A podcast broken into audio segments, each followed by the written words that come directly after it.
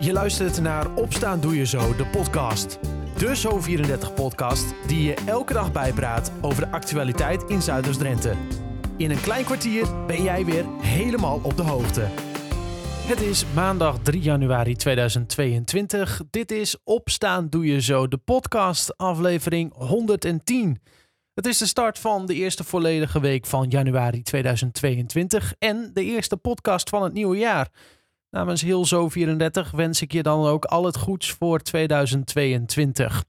De dag van vandaag markeert de omslag naar het normale weer voor januari. Na vandaag zal de temperatuur dalen. Voor vandaag betekent het nog wel een relatief warme dag met een harde wind. In het algemeen droog met verspreid een bui, maar ook een beetje zon is mogelijk. De temperatuur komt uit op 11 graden. Vandaag kijken we in de podcast alvast vooruit op het politieke jaar van 2022 wat mede in het teken zal staan van de gemeenteraadsverkiezingen. Zometeen een gesprek met twee kandidaat-raadsleden met een verhaal. Dat zometeen na het laatste nieuws uit Zuidoost-Drenthe. Tijdens de jaarwisseling zijn in Drenthe 32 mensen in het ziekenhuis beland. Ondanks het vuurwerkverbod zijn dit meer gewonden dan vorig jaar. Verreweg de meeste mensen werden bij het Scheper ziekenhuis in Emmen binnengebracht. Bij de spoedeisende hulp in Emmen kwamen s'nachts 20 mensen binnen van wie de helft met vuurwerk gerelateerd letsel. Volgens een woordvoerder is het opmerkelijk dat er zoveel patiënten binnenkwamen, aangezien er een vuurwerkverbod van kracht was. En tussen zaterdagochtend en zondagochtend zijn er 416 Drenten positief gemeld op het coronavirus.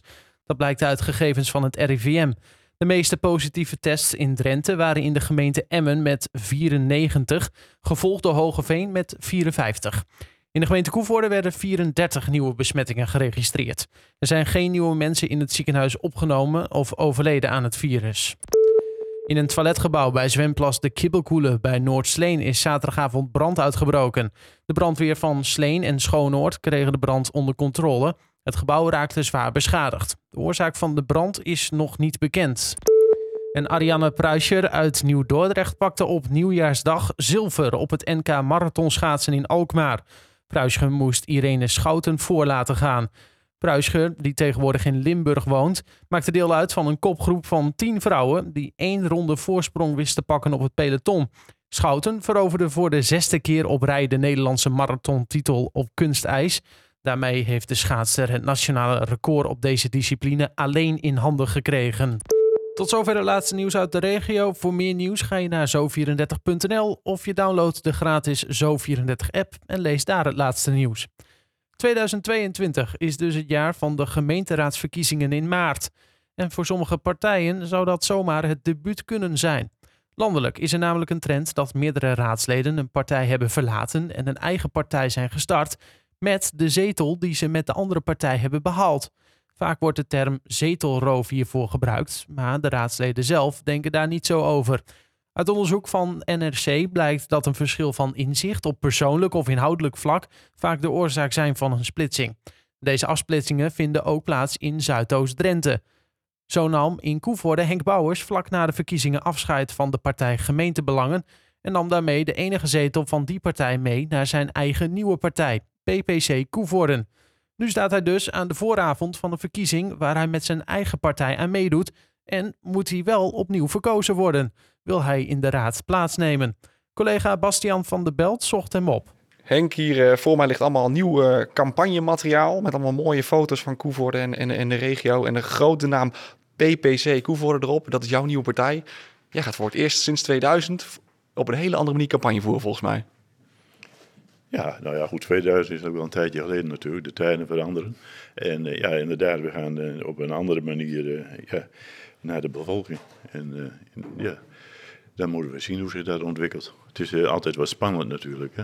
Wat, wat pakt aan en wat pakt niet aan. Ja, want de laatste jaren ben je natuurlijk gekozen namens gemeentebelangen. Nu, wordt het, nu ben je je eigen partij begonnen. hoe ga je de mensen overtuigen dat, dat ze met jou mee moeten? Nou ja, kijk, overtuigen. Uh, we hebben ons best gedaan en uh, daar uh, rekenen de mensen jou af. Wij doen in principe altijd ons best.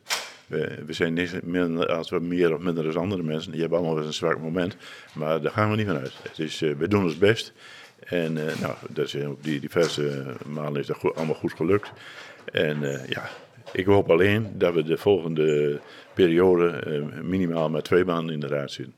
Dat eh, werkt toch wat eh, prettiger. En vanmorgen alweer eh vergadering gehad met de nieuwe fractie. Worden er dan al plannetjes gesmeed om die twee zetels binnen te halen? Ja, zo werkt dat. Hè. Ik bedoel, het komt steeds dichter bij, bij maart. Dus ja, dus, ja vanmorgen zijn we hier geweest om nog even de lijnen goed vast te zetten. En ja, en dat je straks niet twijfelt van moeten we doen of wat moeten we niet doen, of wel doen. Dus zo zijn we daarmee bezig en dat, en dat lukt goed. Je zegt het net zelf al, er is een hoop veranderd sinds dat je begon in de gemeenteraad in 2000. Er is natuurlijk allemaal digitalisering op gang gekomen. Ben jij daar een beetje thuis in? Eh, Kun je de stemmers ook op eh, social media binnenharken? Nou, daar hebben we onze mensen voor. Ik zal me er wel mee redden, maar eh, ik ben daar niet groot in, laat ik zo zeggen. Ik, eh, ik ben liever zo eh, even face-to-face, hè, dat, eh, dat eh, is mij makkelijker. Maar goed, eh, we hebben mensen bij ons die, eh, die kunnen dat geweldig op de, via de internet. Dus dat, eh, dat is voor, daar zijn de mensen voor aanwezig.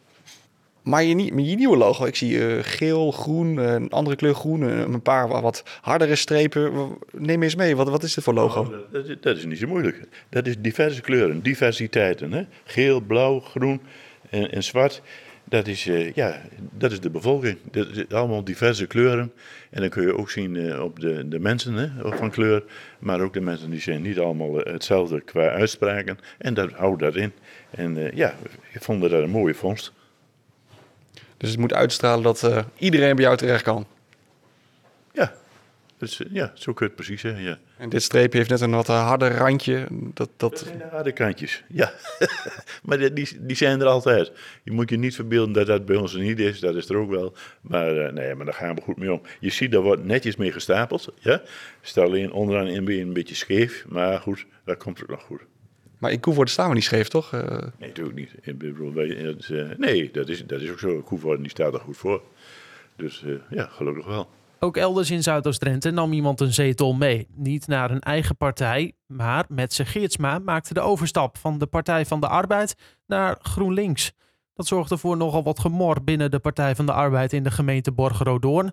Maar Geertsma vindt dat hij zich prettig moet voelen binnen de partij waar hij is aangesloten. Hij is immers op persoonlijke titel verkozen.